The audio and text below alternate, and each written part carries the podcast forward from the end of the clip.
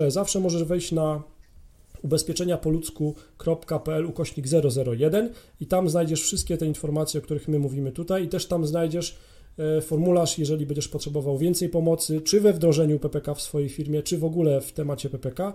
Wypełnij formularz, doświadczeni ludzie Ci w tym pomogą. Jasne, ok. Wiesz co, no to tak, na pewno e, wielu zaawansowanych wiekowo e, słuchaczy, czy też potencjalnych klientów na PPK, e, odbiorców końcowych, zastanawia się, albo tych, którzy mają już dzieci, zastanawia się, co w przypadku śmierci się dzieje z PPK, czyli też jakby powiązany temat, jak działa dziedziczenie w przypadku PPK. Mhm. Tutaj zasadę mamy taką, jak można powiedzieć, że jakby, dokładnie taką samą była w OFE, czyli połowa należy do współmałżonka, czyli jeżeli mamy związek małżeński, mamy wspólność majątkową, no to to, co gromadzę w czasie trwania związku małżeńskiego, połowa jest współmałżonka. A jeżeli nie mamy? Jeżeli nie mamy, no to całość podlega e, temu możliwości wskazania osoby uprawnionej. Bo drugą rzeczą jest wskazanie osoby uprawnionej, czyli tego, kto po mnie ma te pieniądze w PPK otrzymać. Oczywiście, jeśli nie wskaże nikogo, nie mam współmałżonka, no to idziemy normalną jakby procedurą spadkową. Natomiast warto jest te osoby wskazywać, dlatego że to po pierwsze ułatwia nam jakby takie uporządkowanie komu te pieniądze mają się, że tak powiem, po mojej śmierci, do kogo mają trafić.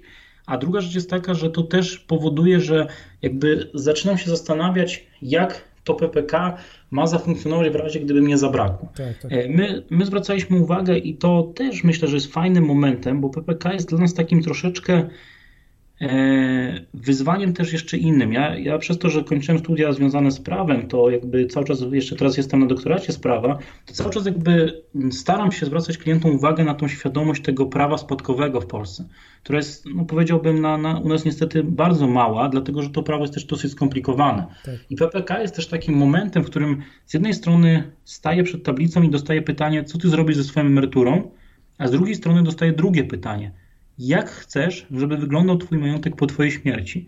I ja miałem taki jeden fajny przykład, gdzie Pan przyszedł i mówi tak, wie Pan co? To PPK zachęciło mnie do jeszcze jednej rzeczy. Chciałbym z Panem pogadać i poukładać sobie, bo mam taki, taki majątek, mam taką i taką sytuację rodzinną i myślę, że to jest dobry moment, żeby to uporządkować. Że jakby to mnie zobligowało do tego, że muszę nad tym usiąść i z Panem pogadać, jak, co mogę zrobić, żeby było tak, tak i tak. I to jest fajna sprawa i to myślę, że to zachęca nas do tego, żeby zastanowić się, jak do tego podejść. To ważna rzecz a propos tego dzielenia kapitału, że to samo jest też przy okazji rozwodu, tak? Czyli jeżeli mamy sytuację taką, że mamy współmałżonków, których zaczynają zbierać PPK, jeden zbiera, drugi nie zbiera, no to w razie rozwodu ta, ta kwota, która jest uzbierana, podlega podziałowi. Ciekawe. Tutaj Ciekawe. To jest, ja się śmiałem, bo właśnie się śmiałem z tego, że na wszystkich prezentacjach ludzie mieli z tego ubaw, jak mówiłem o tym, że no ja jestem pokrzywdzony, bo niestety mieć PPK nie mogę, ale moja żona ma i ja ją bardzo namawiam do tego, że miała. I wszyscy podejrzewali, że to związane z tym, że chce tą połowę.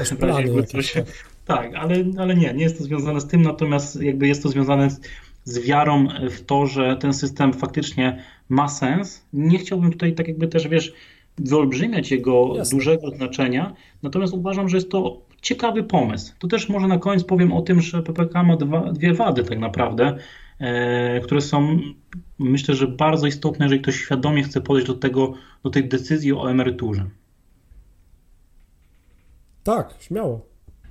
Wiesz co, dwie wady. Podstawowa to jest taka, że musimy mieć świadomość jednej rzeczy, że PPK to jest wciąż za mało, bo jeżeli spojrzymy sobie teraz dzisiaj na naszą sytuację finansową, naszą przyszłość emerytalną, no to musimy mieć świadomość tego, że niestety nasze finanse, nasze, nasze te emerytury powszechne e, systemu ZUS-owskiego bardzo mocno trawi, nie chciałbym powiedzieć nowotwór, ale wręcz pewna choroba, niedoboru. To znaczy te emerytury będą coraz niższe. O stopie zastąpienia to już się odmienia przez wszystkie przypadki, jak ona będzie mała, jak to będzie, jak to będzie niewielki procent.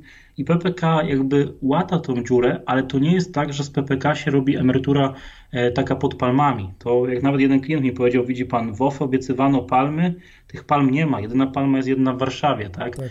Natomiast, natomiast w PPK tych palm nie ma, dlatego że musimy mieć świadomość tego, że to jest wciąż troszeczkę za mało. To, to nie jest tak, że jak będę w PPK i będę sobie odkładał, to z tych 2% czy tam nawet 3,5% zbuduję jakąś ogromną przyszłość emerytalną, która spowoduje, że będę, będę krezusem e, po tym okresie aktywności zawodowej.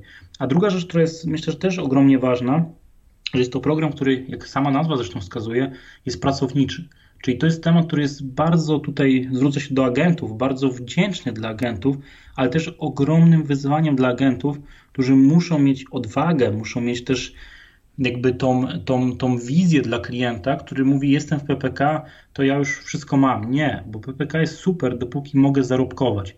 Tracę zdolność zarobkowania, staję się niezdolny do pracy, czy przytrafia mi się chorobowe powyżej określonego czasu, kiedy pracodawca może mnie zwolnić, to nie dość, że nie mam pracy, nie dość, że nie mam tych środków gromadzonych już w PPK, to jakby nie mam tej emerytury. To nie jest ZUS, który powie, ok, pan, pan choruje, no ale my tutaj jakby wiemy, że panem trzeba się zaopiekować. Nie, tutaj po prostu to, co nazbieramy, to jest nasza emerytura.